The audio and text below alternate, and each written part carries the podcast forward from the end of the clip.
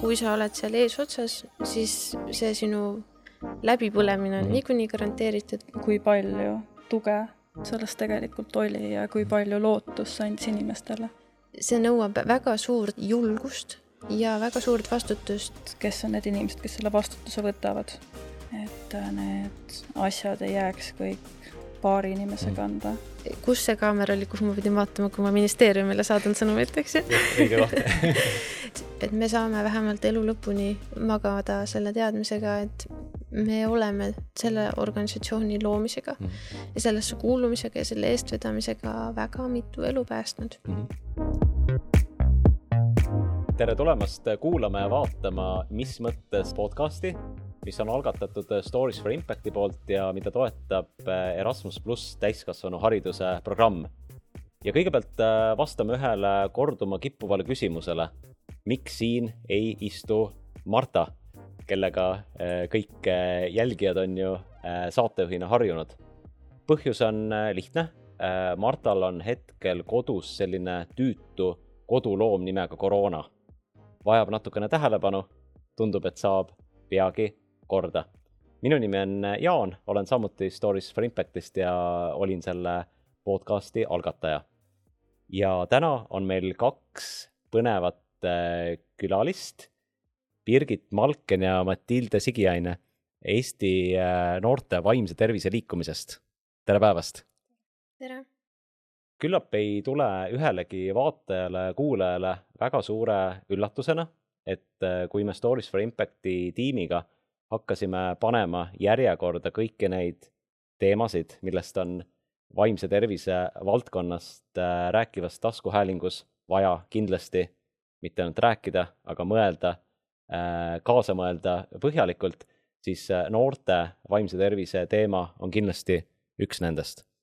ja kuigi see sai alguse probleemidest, et minu meelest ka noortel on olnud väga suur roll äh, vaimse tervise teemade normaliseerimisel, et nendest tehakse juttu, et seda siis juba enne koroonaperioodi ja siis ka koroonaperioodi ajal.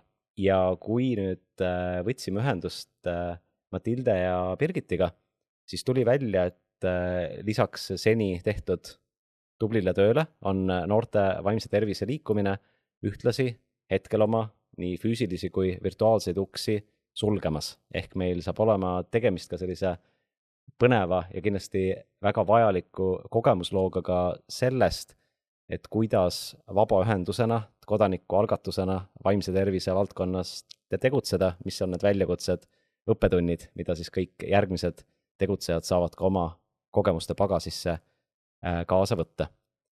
mina kuulsin teie liikumisest esimest korda peaasjade kaudu, kuid mm. ma ei teagi ju täpselt, et kuidas te ise selle algatuseni jõudsite, et millest kõik alguse sai? jaa, kunagi aastal kaks tuhat kuusteist või seitseteist see saigi alguse selline peaasjade justkui nagu tütarorganisatsioon või, või sihuke nagu rakuke, peaasjalikud noored aga siis mingi hetk oli arusaam, et võiks justkui ikkagi nagu omaette toimetada ja siis sealt tuligi uus nimi ja, ja tegelikult nagu ka iseseisev MTÜ, aga tänase päevani peaasjad on ikkagi nagu olnud ilmselt sihuke kõige noh, suurem tugi mm. kõiges, mis me teinud oleme ja, ja ilmselt ilma nendeta me poleks nii kauagi mm. vastu suutnud pidada. ja kuidas sa ise jõudsid selle liikumise juurde alguses? mina jõudsin üldse mitte kohe, ma mõtlen, ma arvan, et see vist oli aasta kaks tuhat kaheksateist, see organisatsioon oli jõudnud olla jah, umbes aasta aega, kujutan ette midagi sellist, kaheksa kuud äkki e,. siis ma tahtsin, minu eriala on seotud selle vaimse tervise valdkonnaga ja siis ma tahtsin kuidagi nagu teavitustööd teha ja tegelikult see oli üks organisatsioon, kuhu sai liituda niiviisi juurde, et sa tegelikult said üsna nagu kohe minna teavitustööd minema, tegema koolidesse. nii et siis mina läksin sellepärast liitusin, sest et ma tahtsin väga kuidagi nagu ühiskonnas seda teemat rohkem pildis hoida ja võib-olla mõeldes tagasi sellele, kui ma ise käisin gümnaasiumis, siis ma oleks lihtsalt väga tahtnud kuulda, et niisugused asjad on olemas või niisugused võimalused on olemas. et, et ka nagu sellest kuidagi nagu et mis on normaalne ja mis on võib-olla nagu selline juba, mida me raskusena näeme, et, et kuidas neid kahte asja eristada, siis ma oleks ise seda vajanud ja siis ma tundsin, et okei okay,, et ma siis lähen hoopis kellegi teise heaks teen seda mm -hmm. asja. aitäh ja milline oli su teekond? Jaa, ma liitusin siis kaks tuhat üheksateist aastal ja ma ise olin gümnaasiumis sellel hetkel veel. ja huvi valdkonna vastu. nägin koolis inimestel oli vaja tuge ja tekkiski selline üldine huvi, mis sellel maastikul toimub. Äh, ma hakkasin äh, mõtlema, et väga palju äh, noorte vaimse tervise probleemidest on aetud nii-öelda koroona aja süüks. Ja teie mõlema teekond noorte vaimse tervise liikumisse sai alguse enne seda, ehk te juba gümnaasiumis märkasite neid vajadusi. et niivõrd, ütleme, anonüümselt, konkreetselt, kui te olete valmis rääkima, et mis juba tollal olid sellised noorte vaimse tervise teemad, mida te panite koolis ühelt poolt tähele ja teiselt poolt, kus te tundsite, et noh, et need lüngad on või jah? Üleüldiselt gümnaasiumis juba näha, kui paljud noored olid äh, sel hetkel kimpus ärevusega. ja üleüldiselt see, milline raskus oli paljudele koolis käimine, kohal käimine seal. ja endal ju paratamatult sõprusringkonnas ka inimesed, kes vajavad tuge ja otsivad mingisugust kontakti ja teadmist, et kellelgi kuskil on samasugused äh, mured ja mõtted. Et äh, ma arvan, et see oli see üks põhilisi, mis ma märkasin mm. -hmm. ma mõtlen, et äh, ma ise tundsin kindlasti palju sellist nagu mm, üksildust kooli ajal ja, ja ilmselt see noh, et kui sa ütled, et enne koroonat, eks ju, et need probleemid, mis mm. nagu koroona ajal tulid, tõenäoliselt lihtsalt võimendusid ainult on ju, et et kõik samad asjad olid tegelikult enne ka olemas, et inimesed olid kurnatud sellest, et gümnaasiumis ongi koormus järsku väga suur ja pinge hästi ootamatult laes, eks ju, eksamite ja kõigega. ja, ja selline nagu noh, mingis mõttes inimeseks olemise kunst, et et inimsuhted olid lihtsalt, need on keerulised niikuinii mm, -hmm. eriti siis, kui sa oled seitseteist, kuusteist, kaheksateist, eks ju.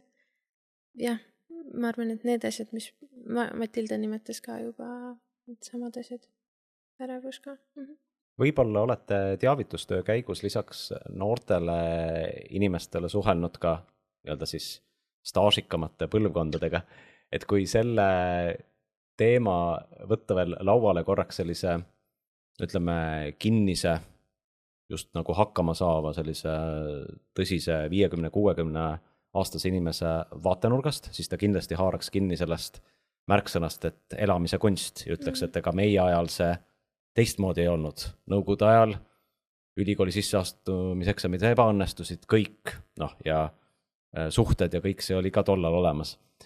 et äh, kuidas talle vastata või mida teie tõstaksite ka siis oma, ütleme, kunagiste kaasõpilaste kogemusest esile, et kuidagi seda tõsidust esile tuua, et mis on võib-olla siis just praeguste noorte jaoks selle elamise kunsti kui terviku juures keerukas? mul on mingi selline mõte peas, et muidugi tegelikult loomulikult olid needsamad asjad toona, aga võib-olla see väljendamise viis on lihtsalt ajas nagu muutunud, et kui ma mõtlen sellele, kuidas toona näiteks mingisugused kasvatusmeetodid olid, eks ju, et viiekümnendatel oli väga okei okay see, et sa ei kallista oma last, et see oligi nagu väga selge kasvatusmeetod, mis tänane võib-olla sihuke nagu kasvatuslik eh, põhimõte ei, ei arva sedasama. aga et see just nagu nende asjade väljendamise viis, et toona võib-olla oligi palju rohkem okei okay olla vihane ja agressiivne ja, ja kuidagi nagu kodus elada neid asju välja või, või jah, on ju, et tänapäeval see meie fookus on mingis mõttes nagu tulnud sinna teise kohta, et kõik need asjad olidki ja keegi ei kahtle selles. Ja nüüd vaatame seda, kuidas me hoopis saaksime neid asju tegelikult ära hoida, eks ju, et toome üldse kõigepealt selle asja nagu teemaks, räägime sellest esiteks ja siis vaatame, et kas me saame nüüd äkki midagi teha ka. et see ei peaks nii olema, et inimene tegelikult ei ole loodud selleks, et ta kannataks, on ju, et see mingi mentaliteet võib-olla siis sellel hetkel kannabki, kui kannatus on ainus viis, kuidas sa oskad elada ja sul ei olegi teist väljapääsu sellest või noh, üldse sul ei ole väljapääsu sellest. aga ühel hetkel, kui jõuab see arusaam, et ei pea kannatama, see ei ole üldse nagu vajalik, et siis muidugi me hakkamegi teistmoodi toimetama. ma ei tea, kas see vist tegelikult üldse ei vastanud küsimusele ma ka mingis mõttes ei usu sellesse, et me peame kõikidele tegema eh, mingeid asju selgeks. mina olen väga seda meelt, et ühiskonnas võibki esineda ka mitmeid nagu eriarvamusi samaaegselt. Äh, ma lihtsalt noppisin siit äh, selle mõtte, et kui sa küsisid, kas sa vastasid küsimusele, et minu meelest küll, et äh, ütlen vahele, et ma nädalavahetusel vaatasin vanu Edgar Valteri karikatuure satiiri ja huumoriajakirjadest mm -hmm. Pikker kuuekümnendatest, seitsmekümnendatest. ja ma ei olnud neid ammu vaadanud, minu jaoks oli šokeeriv see, kui palju oli nalju teemal alkohoolikutest isad ja nende lapsed mm.. noh, et umbes on sellised jäljed, mis vänderdavad ühest tee äärest teise ja siis laps katsub kõndida oma isa jälgedes mm., et äh, hetkel mul tuli see äratundmise hetk, et sa vist sellest rääkisidki mm, -hmm. et tollal lihtsalt väljendusid teatud mm -hmm. asjad teistmoodi yeah.. aga juhul, kui sa oled valmis sellisele staažikule härrasmehele vastama, mida sa vastaksid kuigi ei pea kõiki veenma? ma arvan, et ma jääksin täitsa selle juurde, mida Birgit just ütles.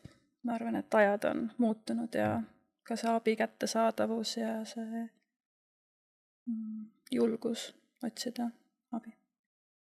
et enne, kui me tuleme nüüd mittetulundusühingu juurde, ma küsin veel äh, selle nii-öelda enne MTÜ-d äh, elu kohta veel selle küsimuse, et äh, mõlemad mainisite, et need vajadused, probleemid olid kooliõpilaste seas olemas ja samas siis midagi olulist jäi puudu, et mida te siis ka ise MTÜ-sse isegi niivõrd ei läinud mitte otsima, vaid te läksite seda ise tegema, ise pakkuma. Et kui vaadata kõrvalt, siis tundub, et justkui infot on noortel hästi palju mm. -hmm. et kõik see sõnavara on olemas, kuidas rääkida vaimsest tervisest, Eestis on teenusepakkujaid, kui probleemid ei ole nii tõsised, on hulk Youtube ereid ka inglise keeles, jagavad kogemusi äh,, raha eest võib-olla saab ka üks-ühele coaching ut. et, et mis siis puudu jäi ikkagi? meil on omavahel ka natukene vanusvahet Ehm, kui mina olin gümnaasiumis, siis ei olnud äh, peaasi üldse miski, millest ma oleks kunagi kuulnud. Mm. minu koolis oli koolipsühholoog, kellel tegelikult oli ärinõustamise haridus ja tal ei olnudki üldse minu meelest äh, psühholoogia haridust. ja ma arvan, et see oli nagu mingis mõttes kombo sellistest erinevatest asjadest, et ühest küljest äh, kuna sellest teemast üleüldiselt ei räägitud, siis ma ausalt öeldes ka ei osanud nii palju tähelepanu nagu panna ilmselt sellele, et et mis siis nagu täpselt oli see, mis oli puudu minu jaoks, on ju, et ma tajusin selgelt, et see pusle, kõik tükid ei ole mul laua mhm. peal olemas. aga ma täna ka ei oska nagu päris täpselt öelda, mis siis puudu oli, minul ei olnud kindlasti sõnavära selleks. Eh, mul ei olnud ka teadmisi, et see, mis minu või kellegi teisega toimub, tegelikult ei olegi nagu normaalne inimese selline nagu tervisliku inimese kogemus, et see võiks olla tegelikult teistmoodi, et sa ei pea gümnaasiumis magama ainult mingi neli tundi mhm. öösel, vaid et sa võiksid siis ka magada kaheksa tundi ööseks, öösel ja värki. et äh, toona see nagu kogu teadmine oli lihtsalt hästi noh, hägune ja, ja see kuidagi nagu ka näiteks selline noh, seesama, et kui ma ütlesin, et minu koolis oli keegi koolipsühholoog, eks ju, et ka ma ei mäleta üldse, et meil oleks nagu räägitud, et et selline nagu inimene on olemas, on ju, et selline nagu täitsa juhuslik, kuidas see, ma ei tea, kas mina tema vaatevälja või tema minu vaatevälja sattus. aga mm, või, või mingisugused nagu sotsiaalpedagoogid ja, ja teised inimesed, kes nagu toetaksid, et see noh, see kõik oli nagu täiesti sihuke no uh -uh. Mm -mm, ma ei mäleta üldse, et mhm. noh, hästi noh, jah, on ju ülekohtune äkki kellegi suhtes, aga aga ma tegelikult ei mäletagi mitte midagi sellest, et oleks räägitud üldse millestki jah, ja kuna mina läksin gümnaasiumisse nii mõnigi aasta hiljem, siis äh, olid mõned asjad muutunud juba. mul väga vedas, et ma sain õppida koolis, kus tegelikult pöörati tähelepanu vaimse tervise teemadele ja kus oli päriselt õpilasnõustaja, kes oligi olemas ja samamoodi tegelikult suunas abi poole noori vajadusel. aga samal ajal see üks õpilasnõustaja kooli peale, kus on viissada pluss õpilast, ei ole piisav et äh, see oli see, ma arvan, kus selles konkreetses gümnaasiumis jäi nagu noh, abi väheks mm. -hmm. aga tegelikult see on, ma usun, võiks öelda, et igas mm -hmm. koolis sedasi, et äh, neid inimesi on, kes on valmis aitama koolis ja tuge pakkuma. aga neid õpilasi ja neid noori, kes seda tuge vajavad, on nii palju rohkem mm. -hmm.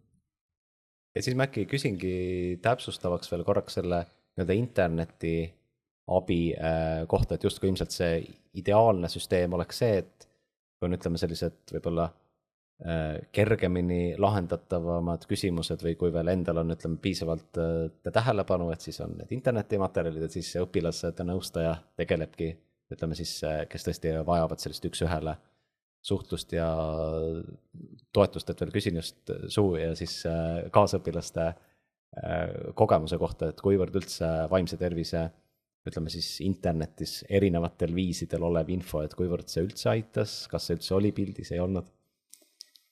ma arvan, et materjalil ja materjalil on vahe. et üks on see, mida siis päriselt äh, toodavad need, kes on õppinud seda, kellel ongi siis äh, psühholoogiaalane haridus või midagi muud, mis vastab sellele. et neil on päriselt olemas see taust. ja teine on see, kes siis teevad oma lõbuks midagi sellepärast, et neil on mingisugune kogemus ja siis sellest kasvatada välja nii-öelda oma mingisugune bränd ja hakata midagi pakkuma et äh, kindlasti on tuge inimestel sellest, kui on internetis inimesi ja sa saad lugeda ja uurida ja vaadata.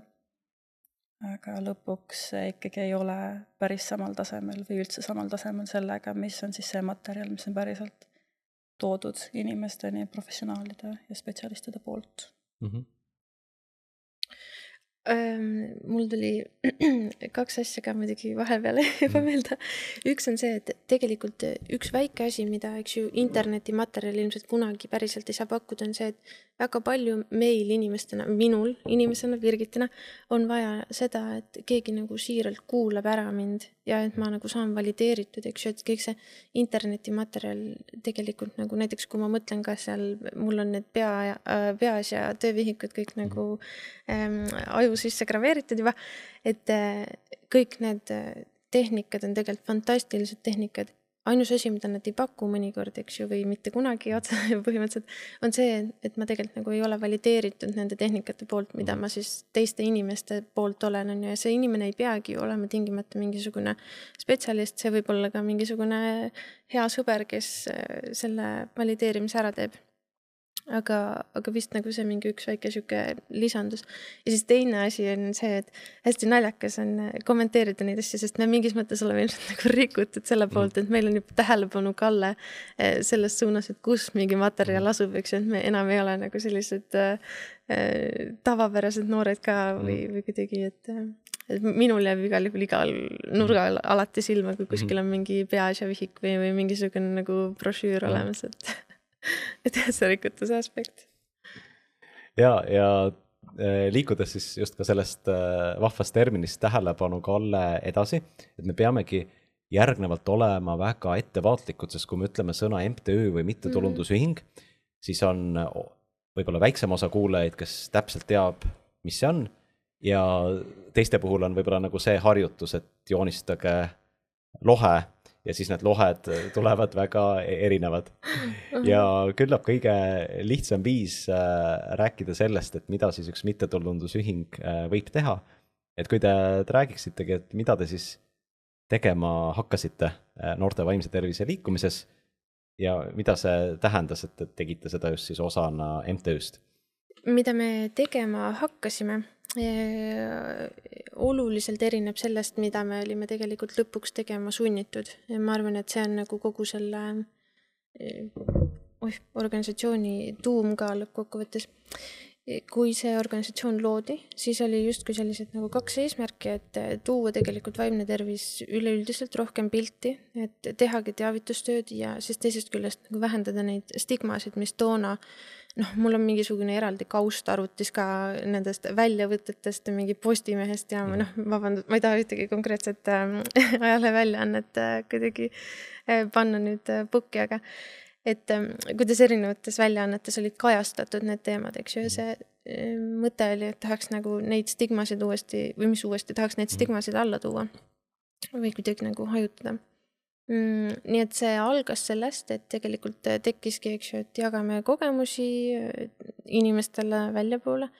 ja jagame tegelikult nagu teadmisi mm -hmm. ka ja räägime võib-olla nagu rohkem, mitte võib-olla, vaid kindlalt räägime rohkem stigmavabalt mm, -hmm. et ärme räägi sellest, et on äh, skisofreenikud või, äh, või mis iganes buliimikud, vaid et on mhm. inimesed, kellel on skisofreenia mm -hmm. või kellel on buliimia, on ju, et see ei ole kogu sinu olemus kokku. nii et see oli nagu see eesmärk seal taga. aga siis, kust see nüüd nagu muutus täpselt tuli, ma ei tea, mina ei oska täna vist endiselt sellele panna ühte selget nagu ajalist piirangut, aga ühel hetkel meist tegelikult sai rohkem selline nojah, kui ma ütlen kogukonna organisatsioon, siis mina olen selle terminiga kogukond hästi ettevaatlik ja räägin millestki väga spetsiifilisest, aga aga mingil hetkel sellest sai rohkem selline organisatsioon, millele oli loodud nagu selline eeldus, et te võiksite pakkuda teistele sarnastes olukordades, isegi mitte sarnastes olukordades, sellepärast et esialgu võib-olla, kui me alustasime, ei olnudki nii palju äh, oluline see, kas kellelgi endal oli mingi mm -hmm. kogemus. pigem oli see nagu selline huvikaitse huvi ja teavitustöö huvi ka mm. -hmm.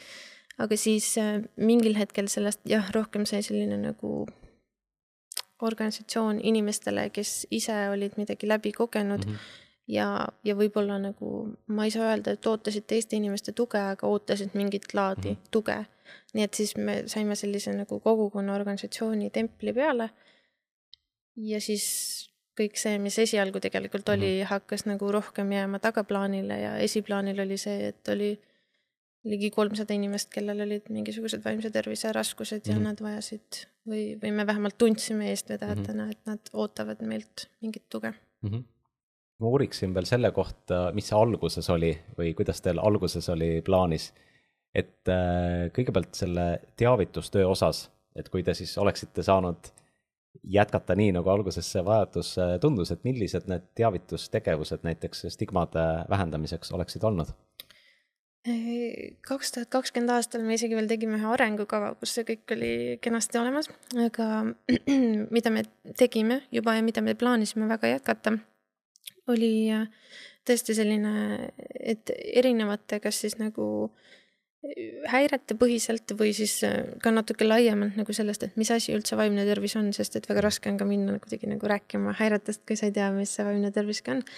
Ehm, et teha selles mõttes selliseid ikkagi nagu väikeseid koolitusi, meil oli mingisugune äh, filtri taga töötoa formaat kõik välja töötatud ja nii edasi ja, ja sinna juurde siis nagu pikkida see kogemuslugu ka, et mm -hmm. hei, siin on üks inimene, kes on muide ise midagi läbi kogenud ja ta nüüd räägib, eks ju, ja ja see ähm, selline nagu rääkimise formaat ei ole mitte lihtsalt selline, et minuga juhtus see lugu, vaid et see oli nagu välja töötatud, selge formaat, kuidas mm. rääkida oma kogemuslugu niiviisi, et see võiks lõpuks nagu innustada teisi inimesi ka kas abi otsima või mõtlema sellele, et kuidas saaks siis nagu oma mingit lähedast toetada. ja see oli kõik see, millega oli ka plaanis jätkata. sihtgrupil meil vist otseselt ei olnudki mingisugust sellist nagu kitsast sihtgruppi, et olid tõesti nagu õpetajatest, kus iganes mingisuguste sisesta sotsiaalvaldkonna töötaja sinna ette ja, ja tegelikult nagu õpilased, eks ju, hästi palju, et see noorte vaimse tervise liikumise suund justkui ka oli siis tõesti, et töötada nagu noorte heaks ja jaoks. aga hästi paljuski läbi tegelikult nagu päris inimeste lugude ja kogemuste mm.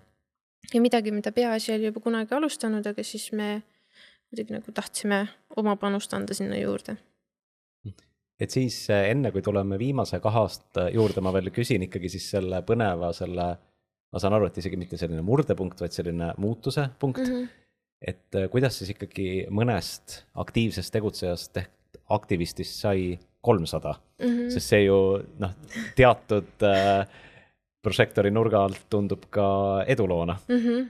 ja tundub kindlasti kuna ma mainisin seda sõna huvikaitse, eks ju, mina ise seal organisatsioonis ka olin huvikaitse aseesimees, siis äh, see kindlasti kuidagi nagu sealt sai mingisuguse tõuke et äh, ühel hetkel kutsuti meid äh, vaimse tervise rohelise raamatu juurde ja siis äh, sealt läks nagu mingisugune lumepall veerema, et me tegelikult sattusime järjest rohkem ka nagu mingisuguste valdkonna spetsialistide silme alla, eks ju, siis meid hakati kuskil järjest nagu rohkem välja tooma, et ah, vaadake, see on niisugune organisatsioon, kus toimub mingisugune kogemuslugude asi ja kui on kogemuslood, siis järelikult on kogemused, eks ju, väga lihtne niisugune astveini järeldus mingil hetkel ma mäletan, meid tegelikult kaasati tõesti nagu, ma ei tea, ma ise mäletan veel, ma käisin kuskil Riigikogu sotsiaalkomisjonis rääkimas ja ja, ja see psühhiaatrilise abi seadus, et meile hakati nagu küsima, meie käest hakati seda tagasisidet küsima ka. ja siis olid ka organisatsiooni numbrid tõesti veel nagu täitsa teistsugused, aga samal ajal iga kord, kui me käisime ka teavitustööd tegemas, siis me ju tegelikult ise kuul-, noh, kutsusime inimesi mingis mõttes, et kui sa tahad ka saada osa sellest, et tule liitu meiega. Ja et noh, me põhimõtteliselt nagu õpetame sind välja ja siis sa võiksid mingil hetkel ise minna ka, on ju, et seal ei olnud mingisugust sellist nagu eeldust, et sa pead olema nüüd väga spetsiifilise mingi väljaõppega, vaid meil oligi peaasjadega koos tegelikult välja töötatud üks selline, ma täna enam ei mäleta, mis selle programmi nimi oli, aga, aga sisuliselt oli mingisugune programm ja siis oli veel äh, Eesti Arstiteadusüliõpilaste Seltsi ja psühholoogide, psühholoogiaüliõpilaste ja lahendusnetiga oli ka üks selline vaimse tervise lektorite koolitus ja, ja noh, me olimegi, läksime kuskile, siis olime nagu, et noh, aga tulge meiega kaasa seltsi ja ja niiviisi nagu kahest suunast mingis mõttes mm -hmm. läks, eks ju, et sellest teavitustööst nagu hakkasime kasvama ja hakkasime kasvama ka tegelikult nagu huvikaitsest mm. -hmm. Et see ongi hea hetk küsida Matilde käest, et milline see Eesti noorte vaimse tervise liikumine siis oli, millega sa liitusid? no ma liitusin kaks tuhat üheksateist Äh, siis veel sellist hoogu polnud sisse saanud, nagu see tegelikult sai siis kaks tuhat kakskümmend. Mhm. ja mina leidsin selle jällegi tänu sellele õpilasnõustajale, kes mul oli gümnaasiumis. olin ise äh, kirjutamas üht projekti parasjagu tema toega ja siis väljaspoolt kooli ühe inimese toega ja siis jõudsime selleni. huvi pärast liitusin, et näha, kuidas organisatsioonid toimivad vaimse tervise maastikul ja nii esialgu oligi selline vaikne kogukond, inimesed omavahel vaikselt suhtlesid äh, eraldi kanalites siis ja nii oligi. ja mingi hetk siis hakkaski aina rohkem tulema neid samme, kus oli siis pildis ja aina rohkem oli näha seda, kuidas uusi liikmeid lisandub ja noori lisandub ja siis üpris varsti ma ka sinna kuidagi etteotsa jõudsin ja nii see läks. jah, nagu komistasid sinna otsa. komistasin sinna otsa, kandideerisin sinna komistuski otsa. ja mis sind tol hetkel motiveeris äh, kandideerima, et sellest äh, võimalusest kinni haarata? Kutsus mm. -hmm. Enda huvi oli nii suur ja inimesed minu ümber, kes selles valdkonnas tegutsesid, olid niivõrd äh, inspireerivad minu jaoks ja ma tundsin, et mul on inimesena mingid omadused ja oskused mm, -hmm. millega ma võib-olla loodetavasti saaks äh, midagi teha ära ja kuidagi teisi toetada mm. -hmm. Ja. mis siis edasi hakkas juhtuma, et mis need peamised tegevussuunad olid? esialgu me proovisime jääda selle teavitustöö juurde mm. -hmm. ma ütleks, et see oli üleüldiselt selline lumepall et see ei olnud sedasi, et see nüüd ühest nagu juhatusest läks, vaid see oli aja jooksul kogunud seda ja seda suunda muutnud. Ja mingi hetk lihtsalt jäigi aina vähemaks neid teavitustöö pakkumisi ja samal ajal tuleb liikmeid aina juurde vastavalt sellele, kui palju on tegelikult abivajajaid mm. -hmm. nagu Birgit ka mainis, siis tegelikult see organisatsioon saigi mingi hetk selle tähenduse, et inimesed tulid sinna lootes saada tuge mm, -hmm. mida nad siis tegelikult mujalt ei olnud saanud selleks hetkeks mm. -hmm ja siis äh, uuriksingi ühel sellisel äh, delikaatsel teemal, mis on liikmeskond, et ka mm. meil on äh, vaimse tervise taskuhääling, samas ka ütleme, neid vaimse tervise muresid võib olla väga erinevaid ja see mm., kuidas nad ka väljenduvad, võivad olla väga e-, erinevad. et kui nüüd peaks nii-öelda justkui liikmeskonda profileerima, noh, kasvõi vajaduste mõttes, et võib-olla mis need tüüpilised vajadused või tagapõhjad olid, et kes siis äh, leidsid liikumise juurde tee? ma arvan, et kui me vaatame üleüldiselt seda liikmeskonda kui tervikut, siis lõpuks ikka, vähemalt mina jõuan tagasi selleni, et inimesed ja need noored, kes liitusid siis äh, selle organisatsiooniga tegelikult soovisid näha ja suhelda teiste inimestega, kellel on mm. siis mingisugune laadne noh, taust või kogemus, et -hmm. see soov olla nähtud ja kuuldud ja tegelikult kuulatud mm -hmm. on, ma arvan, see kõige selline suurem ühendus nende kõigi inimeste vahel mm. -hmm. ma ütleks ka, et see selline mm, inimkontakti vajadus mm -hmm. oli see nagu, sest me väga ei räägi nagu sellest häirepõhiselt, kui keegi mm -hmm. tahab teada, siis seal sisuliselt iga asi F-ist on olemas mm, -hmm. aga aga et see ei ole nagu üldse oluline, sest see inim nagu baasvajadus seal all on palju-palju olulisem mm. -hmm. aga jah, kokkuvõtvalt nii mida see liikmeskonna laienemine ja siis ka see inimliku kontakti otsimine teie kui eestvedajate jaoks äh, tähendas, et kes te näiteks olite siis ka ametlikult juhatuse liikmena kirjas MTÜ-l?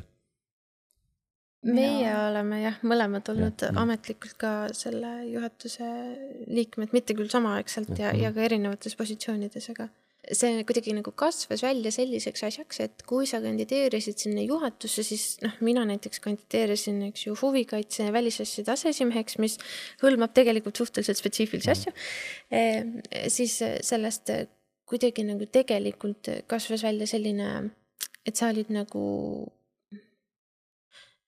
paljuski olenevalt ka sinu enda ilmselt isiksusomadustest ja nii edasi, ehm, võis sinust saada tegelikult väga paljude noorte nagu suurim tugi mm. -hmm. ja siis sa tegid seda tööd vabatahtlikuna, eks ju, ja suuremas osas inimestele, kes ei olegi kunagi saanud mingisugust nagu spetsialisti väljaõpet mm. -hmm kust siis ilmselt kõik see nagu hakkaski minema allamäge ka. jah, ja ma olin esimehe toolis mm,, siis võiks öelda, et kaks juhatuse koosseisu ikkagi mm. -hmm. Ja samamoodi, eks see nimi ju Ole näha ja ise ka ju selles mõttes, et kui organisatsioonis ikkagi mingid mured on, siis inimesed pöörduvad ja räägivad ja suhtlevad ja samamoodi, et need liikmed hakkavad seda kontakti otsima ja see on nii inimlik tegelikult, et hakatakse otsima kontakti, kui nähakse kuskil nime ja teatakse, et okei okay,, ta teab midagi mm. vaimsest tervisest. ja hakati otsima kontakti ja nii on ja mida rohkem tuleb liikmeid liikmeskonda, seda rohkem otsitakse ka seda kontakti. -hmm.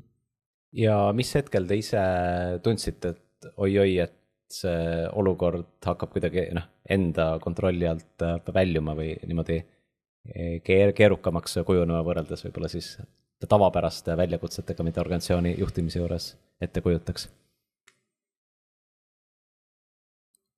Mm, minul on üks selge murdepunkt. Ähm, see oli detsember kaks tuhat kakskümmend üks, äh, kui me tegelikult elasime üle esimese enesetapu selles kogukonnas ehm, ja siis ehm, see, selles mõttes see, see on selline nagu, esiteks on see väga delikaatne teema, eks ju, mhm. aga ta oli tegelikult keegi, keda nagu paljud, kes seda organisatsiooni just eest vedasid, teadsid mm -hmm. väga lähedalt.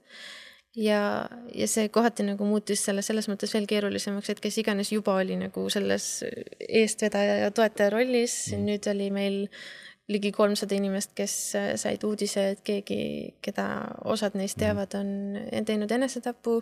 nii või naa haavatavas sihtgrupis on see lumepalliefekt mm -hmm. enesetappude näol pärast seda tunduvalt äh, suurem.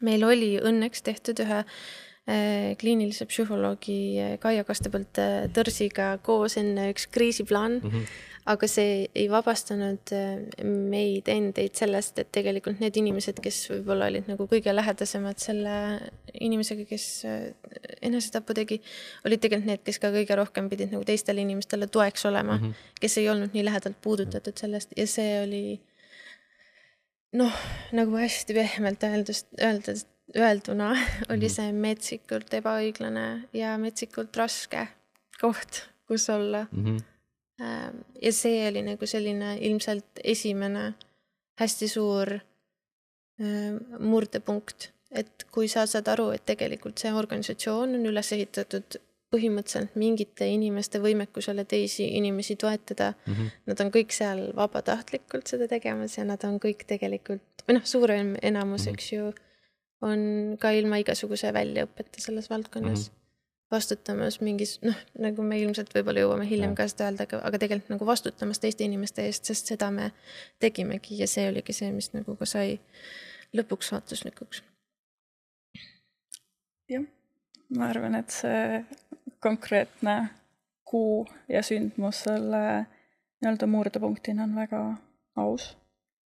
ja eks see oligi selline reaalsuskontroll, korraks ma olin Mhm. just kuu aega enne, vähem, pool kuud enne esimehe positsioonile siis nii-öelda kinnitatud ja siis saada selline uudis, et oli selline noh, nagu ma ütlesin, reaalsuskontroll mm. -hmm. ja esialgu ikka proovid edasi Mhm. minna kõige sellega, aga aja jooksul siis näha ka seda, et tegelikult see hulk inimesi, kes vajavad aktiivselt seda tuge ja noh, paratamatult peale sellist sündmust siis tekib ka see märkide nagu otsimine ja nende Mhm. märkamine ja siis need omakorda muutuvad hirmutavaks ja näha, kuidas see nagu suurenes Mhm. aina.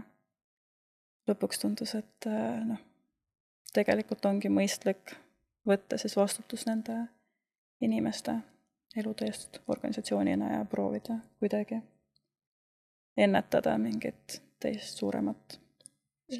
Või Mhm., või ka nagu otseselt sekkuda, kui ongi mingid inimesed on väga selgelt mingite inimeste usaldusisikud Mhm. ja, ja nad ütlevadki või kuidagi noh, et täpselt seesama, eks ju, et sa õpid märke ära tundma, eriti siis, kui sa oled sellise mm. nagu inimgrupi eesotsas. et kui need märgid kõik viitavad sellele, et praegu siin on nagu hästi akuutne olukord, et kohe Mhm. tuleb reageerida. Ja need on pidevalt need ühed ja samad inimesed mm. -hmm. kes on selles positsioonis, et, et oh-oh, et siin tuleb reageerida mm. -hmm. eks ju. ja, ja noh, nagu me absoluutselt teamegi, et on väga mitu inimest, kes on elus tänu sellele, et meie oleme olemas mm. -hmm. ja, ja ma võin nagu igavesti olla nagu iseendale ja meile kahele ja Mhm. veel nagu meie teistele eestvedajatele patsutada õlale, et me päriselt olemegi elupäästjad olnud mm. -hmm. ja samal ajal see, millist stressi tekitab ühele inimesele Mhm. endale see, kui sa teadki, et kui sa näiteks kogemata jääd magama mingil valel hetkel, onju, Mhm. see tähendab kellegi teise jaoks surma. Mhm. see on nagu noh, vabandust, aga see on ikka nagu jõhker Mhm. vastutus, mida ei peaks kandma inimesed vabatahtlikus Mhm. organisatsioonis, kus nad tulid midagi täitsa Mhm. muud tegema ka, onju. küll oluliselt äh, väiksema isikliku vastutuskoormaga, et siiski mul tekib ka paralleele mitmete teiste MTÜ-dega, kus Mhm. võib juhtuda midagi, mis on noh, ka eestvedajate vaimsele tervisele väga kurnav. ja siis on ikkagi jah, mingi periood, mida te mainisite ka enda puhul, noh et siis proovime kohaneda või Mhm. millised äh, võib-olla olid need tegevused, mida teie peale seda murdepunkti proovisite, kui oli veel tunne, noh et jätkame, areneme.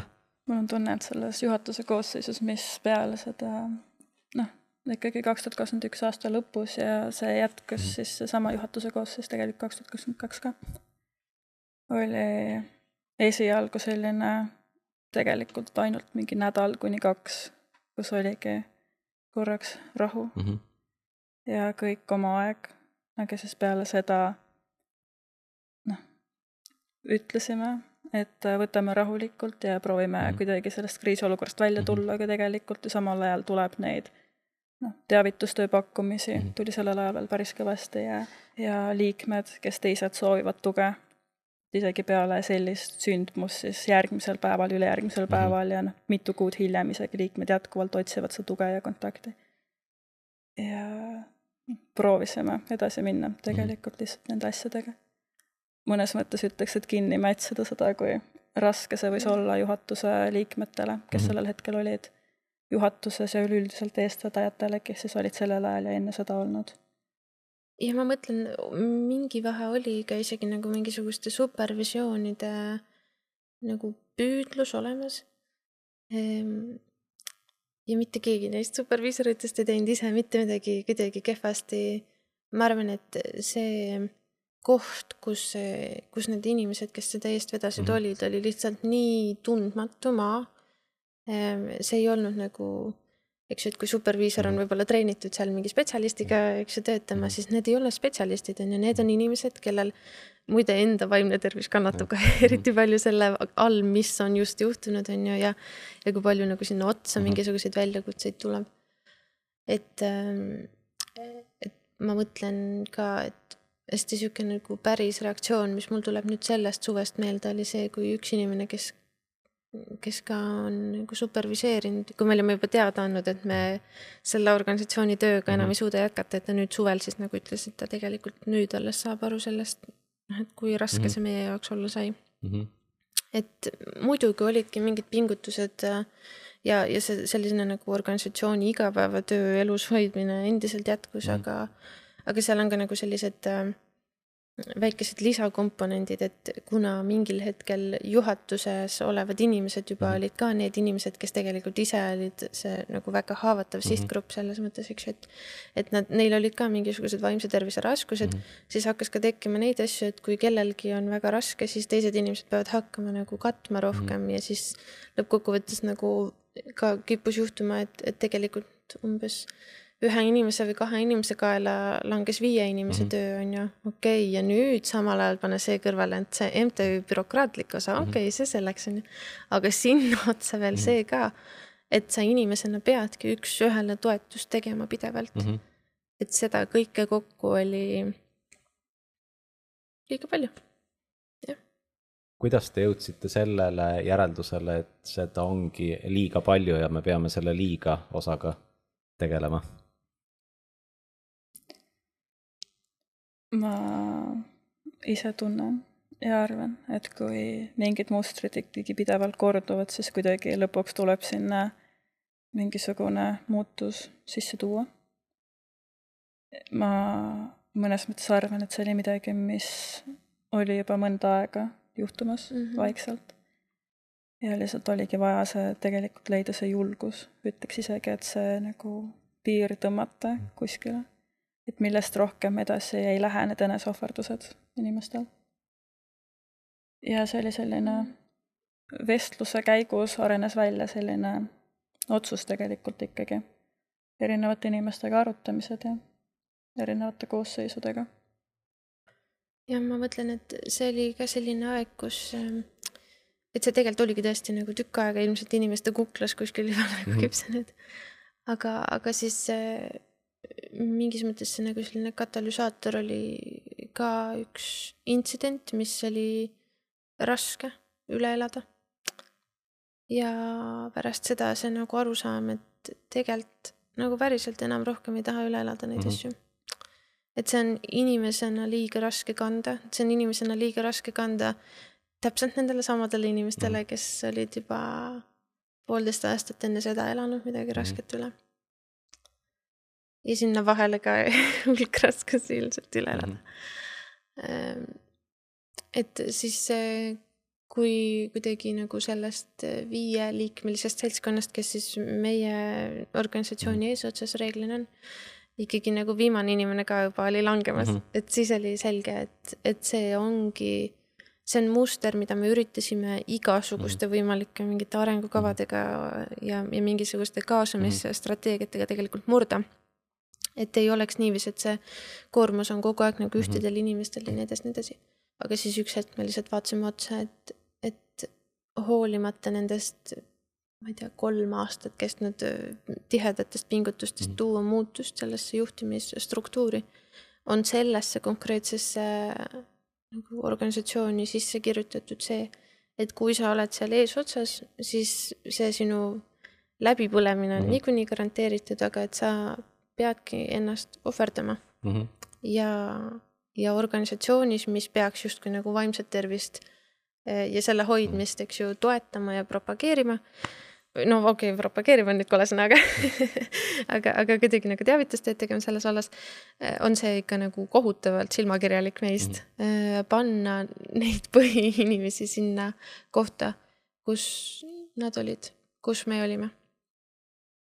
jah minu jaoks on sellise otsuseni jõudmine vabaühendustes ja mittetulundusühingutes väga imetlusväärne, sest äh, ka enda kogemuste põhjal rollides, kus ma olen olnud või jälgides ka palju teisi vabaühendusi äh, kõrvalt, et seal äh, tulebki väga palju seda vastutuse koormat, millest osa on siis enda tajutud mm -hmm. ja teiselt poolt siis ka ütleme, teiste osapoolte surve aga Mhm. kes siis teeb, kui teie ei tee ja teie Mhm. ütlesite, teil on see strateegia ja see veel kestab kaks aastat.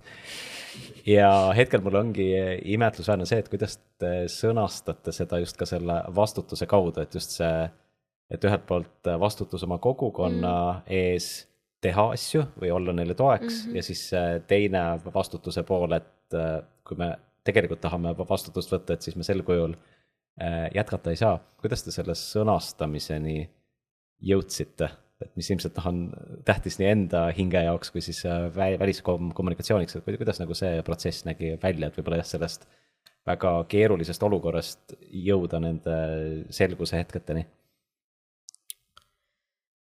mm.? Mul praegu kaks mõtet äh, jooksid äh, hästi paralleelselt, äh, kui ma kuulasin su juttu, üks oli lihtsalt üks täpsustus, mis ma proovin hoida sinu Mm, mõtet, eks ju, või küsimust ka meeles. aga üks täpsustus äh, su ühe öeldu asja kohta või, või tegelikult laiendus isegi mm. -hmm. et jaa, see vastutus äh, kogukonna ees, nende inimeste ees tegelikult oli üks hästi suur kaalukauss. et me saime aru ja kus see kaamera oli, kuhu ma pidin vaatama, kui ma ministeeriumile saadan sõnumit, eks ju õige koht et see, et kui on näiteks see vaimse tervise teenuste püramiid on ju, sinna on pandud see suur sõna kogukond. noh, esiteks hästi soe soovitus, sisustage see sõna. aga teine selline nagu mõttekäik, et kui me loome grupi inimesi, kellel on väga paljudel noh, räägime siis näiteks selle kaudu, et, et on mingisugune vajadus katmata mm -hmm. ja sellest vajadusest tegelikult on tekkinud mingi käitumine, mis häirib nende endi, eks ju, toimetulekut. me paneme need inimesed kokku, siis on hästi ehm, ehm, oota, ma praegu siin oma peas teengi täpselt Mhm. seda sõnastamist tööd, eks ju, praegu. et ehm, see nõuab väga suurt eh, julgust ja väga suurt vastutust eh, ka samal ajal ja hästi suurt läbimõeldust mm, -hmm. kuidas need inimesed kohati ei hakka üksteist võimendama, näiteks seesama juhtum, eks ju, mis me rääkisime, et äh, oli üks meie liige, kes tegi enesetapu, aga just see, et see on niivõrd äh, suurema mastaabiga mm, -hmm. kui see toimub kogukonnas, kus on teised inimesed veel, kellel on näiteks akuutsed, aga võivad olla ka passiivsed on Mhm. ju, või noh, aktiivsed ja passiivsed mingisugused suitsiidimõtted mm. -hmm. et mida see tähendab, kui me räägime, et me toome nüüd kokku mingi kogukonna inimesi, kellel on sarnased elukogemused, see tähendab ka mingisugust nagu turvavõrgustiku loomist ja meie saime aru, et meil, kes me oleme nagu esiteks ise kõik mingisugune, ma ei tea, meie mingi keskmine vanus on võib-olla, võib-olla venitab nüüd tänaseks kakskümmend kuus välja, eks ju, aga, aga et, et suuremal osal ei olegi lihtsalt äh, isegi sotsiaalvaldkonna tausta. Mm, -hmm. et noh, see, eks ju, vastutus sealt, see arusaam, et me tegelikult võib-olla teeme selle kogukonna hoidmisega rohkem kahju tänasel päeval kui kasu toome, aga kuidas me selle sõnastamiseni jõudsime, ma arvan, et see on tegelikult selline maailmavaateline küsimus, kui me, ma ei usu, et keegi meist on selline, et mõtleb inimestest kuidagi nagu noh, et haiguse kaudu mm -hmm. näiteks või noh, häire kaudu, psüühikal on häired mm. -hmm et me oleme kõik väga sellised, me tahame, et kui meist räägitakse, siis meid hoitakse mm. -hmm. ja me tahame, et kui me ise räägime teistest, siis me ka hoiame mm -hmm. teisi ja selle kaudu on palju lihtsam ka mingeid asju nagu panna mm -hmm. sellistesse sõnadesse, et, et me tegelikult hoiame, eks ju, ennast mm -hmm. ja me selle kaudu hoiame mingis mõttes ka teid mm. -hmm ma ei tea, see sõnastus oli ühismõtlemine igal mm -hmm. juhul, keegi üksikindiviid ei teinud seda mm. -hmm ühismõtlemine. meil oli selline, kõik on sõnasepad veidi ja siis kokku tulime sellise, ma ütleks, et üpris inimesi ja liikmeid hoidva mm -hmm. sõnastuse peale ja mis tegelikult hoiab meid samamoodi jah, mis muidugi ei tähenda seda, et, et ei olnud inimesi selle protsessi käigus, kes ei oleks nagu kuidagi nagu haiget saanud mm, -hmm. eks ju, sest see on paratamatus, aga aga võib-olla ka selle lõpetamise protsessi um, üks selline nagu kuklas olev juhtmõte tegelikult oligi see, et me oleme väga palju võtnud enda kanda mm -hmm. ja väga palju pannud ennast tagaplaanile. aga kui me nüüd ka ei tee seda sammu, et me nüüd nagu korraks paneme ennast esiplaanile, et kes siis veel mm, -hmm. kes siis veel seda teeb mm? -hmm jah. sellised inimesed, kes ise vabaühendustes ei tööta, kuid äh, vaatavad neid kõrvalt ja tegelevad nende toetamisega. haaraksid kinni just nendest äh, märksõnadest, mida sa, Birgit, ütlesid, ehk planeerige paremini mm., tehke strateegiaid, mõelge kaasamine läbi, rahastusmudelid vastutusvaldkonnad, kui te jagaksite seda kogemust ka, sest ma mäletan, et ka selles kokkuvõtvas tekstis, mida te avaldasite oma mm -hmm veebis, mis andis ka selliseid väga selgeid sõnumeid, miks te mm. otsustasite liikumise lõpetada. et seal oli ka selline pikk humoorikas ja küllap ka irooniline loetelu erinevatest strateegilise planeerimise tüüpidest ja mentorluse ning siis noh, ka mhm. organisatsiooni supervisiooni vormidest, mida te mhm. proovisite, et kui te seda kogemust jagaksite, sest sellest võib ka olla teistel ühendustel palju õppida vist nagu kõige laiemapõhjaline asi, mis me tegime, oli me tegelikult, meil oli palju erinevaid, eks ju, projekte, mille eest täpselt needsamad inimesed loomulikult vastutasid, kes mm. niikuinii vastutavad. Aga me tegime TD Stratlabiga eh, Tartust. Sellise eh, organisatsiooni arengustrateegias, ma mõtlen äkki viieks aastaks. Ja esimene pool aastat kõik õnnestus ja siis toimus juhatuse vahetus. Mm -hmm. ja siis eh, kuna inimesed tahavad natuke sisseelamisaega ja, ja siis eh, üsna kiiresti nagu kuidagi jäi mhm. sinna tagaplaanile ja siis uuesti tuldi, et toetame teid ülesse ja see kuidagi lihtsalt ei läinud sealt käima ja siis me ikkagi kasutasime tõesti eh, supervisioone, mis olid ka rohkem siukse võib-olla emotsionaalse toe eesmärgil mm. natukene kasutasime mentorlust ka Vabaühenduste Liidult endalt, eks ju. tegime tõesti päris mitmeid erinevaid mingisuguseid ehm, ma arvan, et me oleme tänaseks kasutanud kõikvõimalikud eh, keskkonnad internetis ära, mingist Trellost ja Slackist ja, ja absoluutselt mis iganes planeerimiskeskkonnad on, me oleme need kõik läbi kasutanud. Eh, Facebookis on meil ka üks grupp ehm, ja, ja, ja kõik suhtluskanalid kes nagu selles eesotsas olid, teavad lihtsalt väga palju ka selliseid mm -hmm. strateegiate inimesi, eks ju, ja ja kui juba mingi hetk, kui oli see kogukonna pool, eks ju, siis Eestis on selline minu väga tore sõbranna Dagmar Narusson, tšau mm. -hmm. Dagmar, kes on kogukonnatöö lektor ja Eestis ilmselt sellel alal juhtiv ka samamoodi, eks ju, konsulteeris meid tegelikult selle kogukonna poole osas ja nii edasi, nii edasi.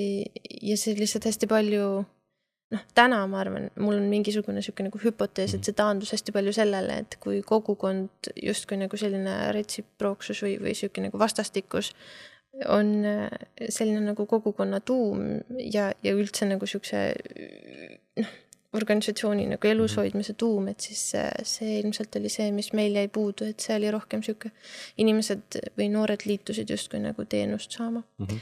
et siis oligi väga raske hoida seda organisatsiooni ka üles üleval, sest see mingil hetkel justkui nagu oma olemuselt tahtis juba mm -hmm. vist mingiks ettevõtteks liikuda, aga mm -hmm. meie ikka seal eesotsas olime nagu, et mhm. ei, ei, see on, see ei ole ettevõte mm, -hmm. me peame kaasama ja mm, -hmm. ja igasuguseid kaasamiskoolitusi ja koolitajaid eraldi. me ka kutsusime väga palju mm, -hmm. mis ma mäletan, me saime väga suure osa oma liikmeskonnast vastama ka aastal kaks tuhat kakskümmend mingisugusele küsitlusele ja ja millele veel, et, et kuidas seda organisatsiooni nagu nende jaoks teha noh, nagu paremaks mm -hmm. ja, mhm. ja nende vast-, vajadustele vastavaks. aga jah, kuidagi see nagu eestvedajate selline pudelikael, mis sinna jäi, et sellest oli noh, meie jaoks võimatu saada üle mm. -hmm. ja me planeerisime piisavalt, uskuge meid mm. -hmm. või noh, proovige mm. -hmm. jah, et planeerimises ei olnud asi. ei. Matilda, kas sa sellele soovid midagi juurde öelda, et kui näiteks teised äh, vabaühendused ka pühenduvad planeerimisele nii palju, et mida veel teie kogemuse põhjal silmas pidada? ma arvan, et äh, mul üks põhimõte ikka jookseb tagasi selleni, et kes on need inimesed, kes selle vastutuse võtavad juhatuses, et äh, realistlikult vaadata otsa oma mm -hmm. võimekusele mm -hmm. ja võimalustele. et need asjad ei jääks kõik paari inimese mm kanda sest sellest kambast mhm. tegelikult, kes sinna läheb. ja samamoodi need nii-öelda, et kas on olemas mingid inimesed, kes on vajadusel mm võimelised võtma mingeid kohustusi, et toetada neid üksikuid, kes siis jäävad neid kohustusi kandma või, või noh, supervisioon mm. -hmm. et kui kõik need kontaktid ja kokkulepped on kellegi käes ja siis see inimene kukub mm -hmm. ära ja meil ei ole mitte midagi järsku mm. -hmm. meil ei ole supervisiooni, meil ei ole neid kontakte enam, me ei tea üleüldse, mis toimub mm. -hmm. siis on väga raske üldse rääkida sellest, et organisatsiooni eestvedajad mm -hmm. saaks kuidagi organisatsiooni eest vedada sedasi, et nad ise ei tegelikult äh, noh, põle läbi mm -hmm. selle kogu koormuse all mm. -hmm. ma arvan, et selline üleüldine käepulsil hoidmine -hmm. ikkagi sellega, et see supervisioon oleks regulaarne mm -hmm. ja et see toimuks üleüldiselt mm. -hmm. jah. et kui äh, teha sellist õppetundide kokkuvõtet, siis äh, ma palun neid esitada soovitustena ja kuna te olete nüüd oma õpiteekonnast juba äh, rääkinud ja selline noorte vaimse tervise valdkonna äh, kujundamine on ikkagi, ütleme siis kollektiivne looming, kus on väga palju osapooli. et ole, oletame, et äh, noorte vaimse tervise liikumine tuleb uuesti kaks tuhat kakskümmend neli, et kas on osapooli, kellele te annaksite mingit nõu, et kui nüüd liikumine tuleb uuesti, et siis meie kogemuse põhjal, et palun tehke nii või siis hoiduge nii äh, tegemast, nagu tol hetkel oli? Number üks on kindlasti see, et mis selle ettevõtmise eesmärk on. Mm. kui see, kui te panete paika, siis me soovitame teil jääda kindlaks sellele, isegi kui ühiskondlik surve on mm. mingisugune täiesti risti vastupidine siis me soovitame ajada oma asja ikkagi. Ehm, lisaks väga tungiv soovitus äh, on tõesti kõik, mis puudutab äh, ikkagi selliseid supervisioone või, või ma ei tea, kasvõi co-visioonid, eks ju, et, et ei tasu jääda üksi sellesse protsessi. ma annan sulle võimaluse vahepeal noh, nii nagu ma enne mainisin, siis kes on need eestvedajad mm -hmm.? noh, auto ei sõida ühe mhm. rattaga mm. -hmm. selles mõttes, et kui sul on seal neli eestvedajat ja kolm langevad ära või kaks langevad ära, siis juba on tegelikult mingi noh, mure mm. -hmm. kolme rattaga veel, okei okay., kuskile peab välja. aga jah. ja siis äh, ilmselt kõige sihuke nagu äh, vabaühenduste ülesem probleem.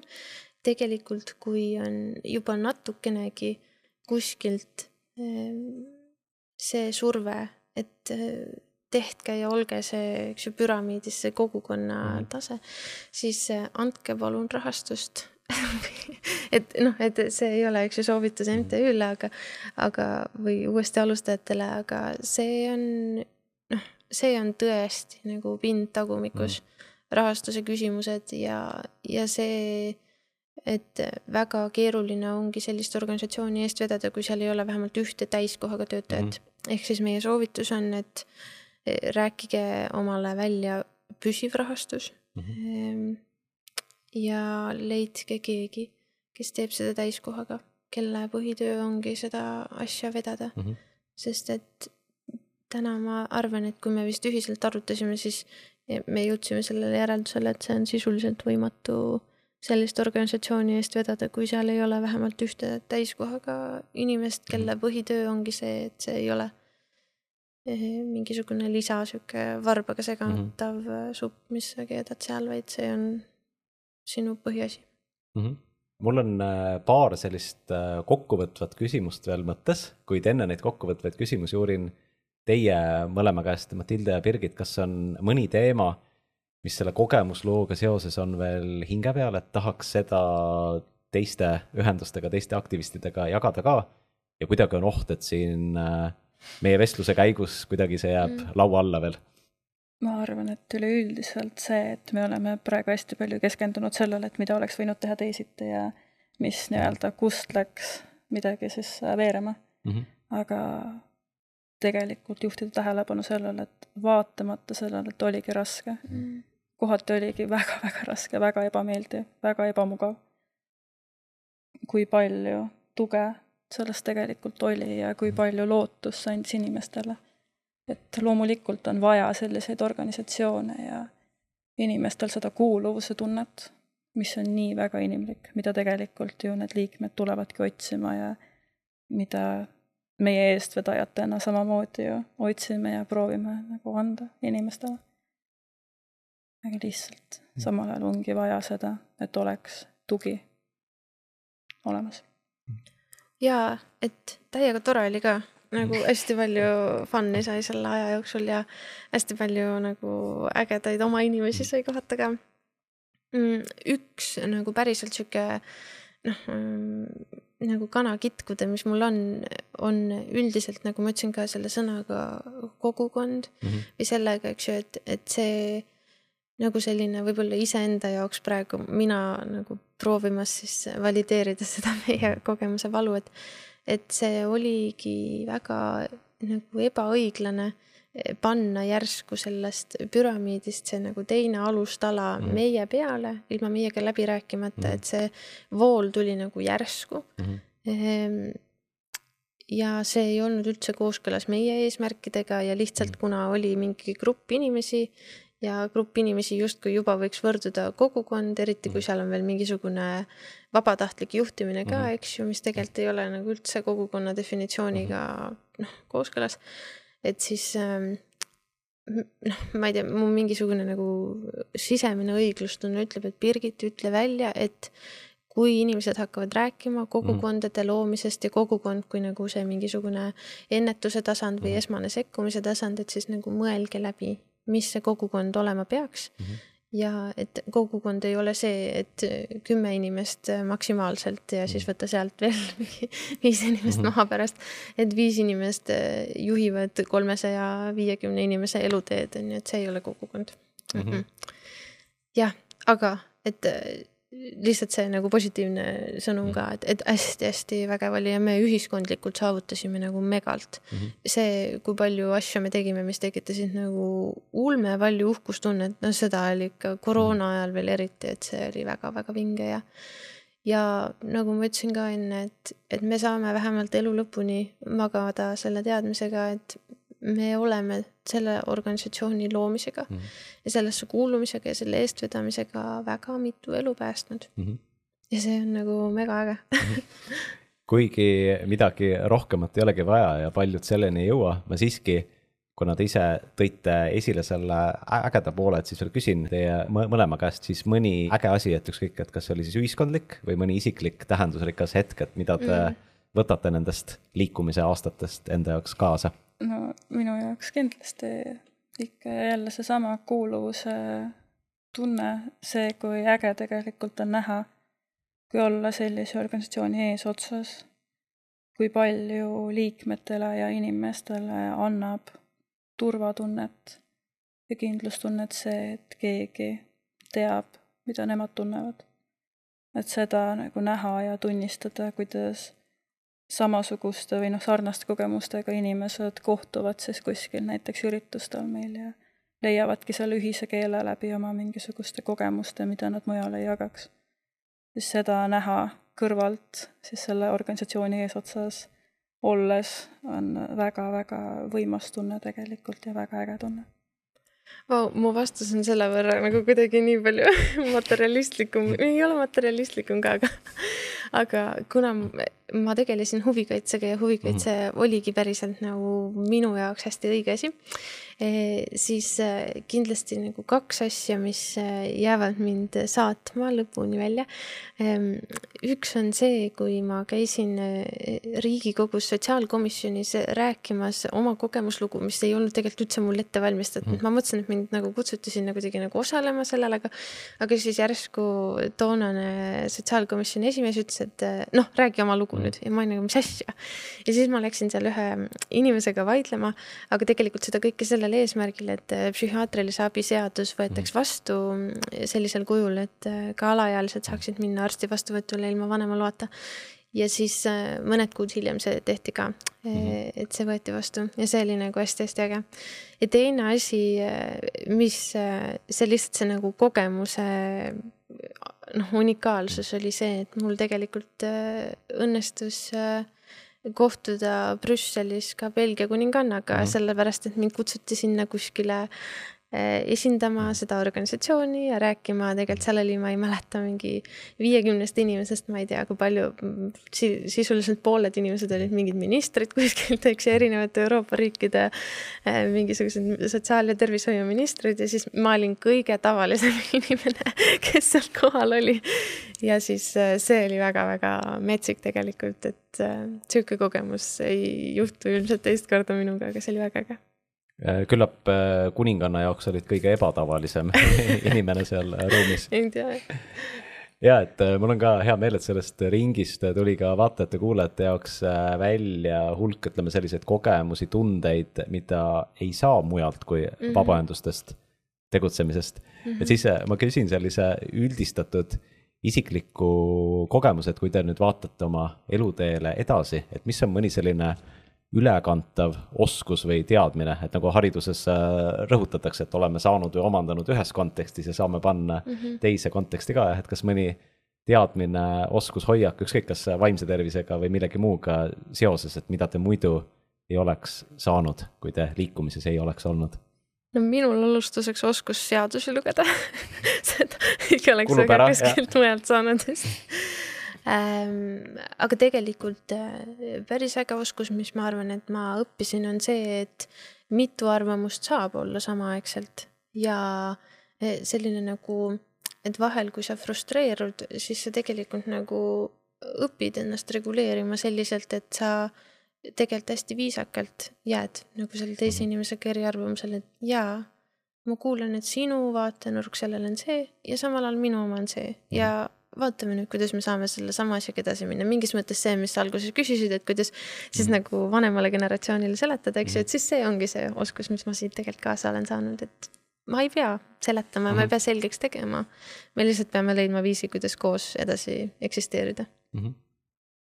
ja ma ütleks, et neid oskuseid on nii palju, et ma ei jõua neid ette lugeda siin äh,. aga peamisena ikkagi see inimestega suhtlemine, erinevate inimestega suhtlemine eri tasanditel inimestega suhtlemine, et samamoodi ministeeriumitest inimesed, mm.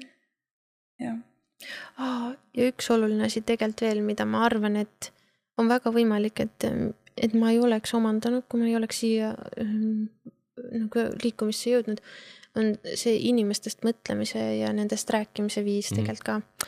Et see, kes vähegi on kuskil spetsialisti väljaõppes kunagi olnud, teavad, et inimestest kiputakse ka väga selliste kliiniliste terminitega rääkima mm. -hmm.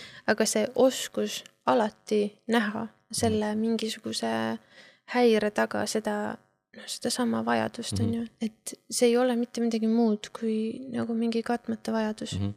ja et see et proovime siis nagu leida viise, kuidas selle vajadusega töötada.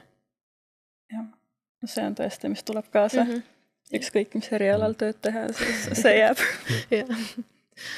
Aitäh, Matilda, aitäh, Birgit! Mm.. kordan veel kord üle need äh, kolm minu jaoks tõesti imetlusväärset asja, et üks imetlusväärne asi, et äh, kujundasite niivõrd ütleme siis omapärase, unikaalse, vajaliku ülesehitusega liikumise.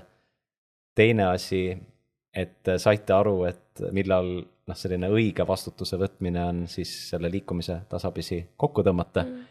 ja kolmas, et te seda lugu olite valmis siin jagama ja veel niivõrd värske kogemuse pealt, sest mm. selliste lugude jagamist just ütleme, vabaühenduste valdkonnas, tervise, haridus, sotsiaalvaldkonnas oleks vaja palju-palju rohkem, et vähemalt mul on uskumus, et mõnikord ei tasu, ütleme niimoodi juba viimaseid jõuvarusid kokku võttes selle inspireeriva päikseloojangu poole roomata, vaid äh, istudagi rahulikult maha ja rääkida ja sõnastada ja siis muidugi uuesti liikuda edasi, aga see mahaistumise koht on väga vajalik, et aitäh, et olite valmis seda tegema mm,. aitäh, et te kutsusite meid ka.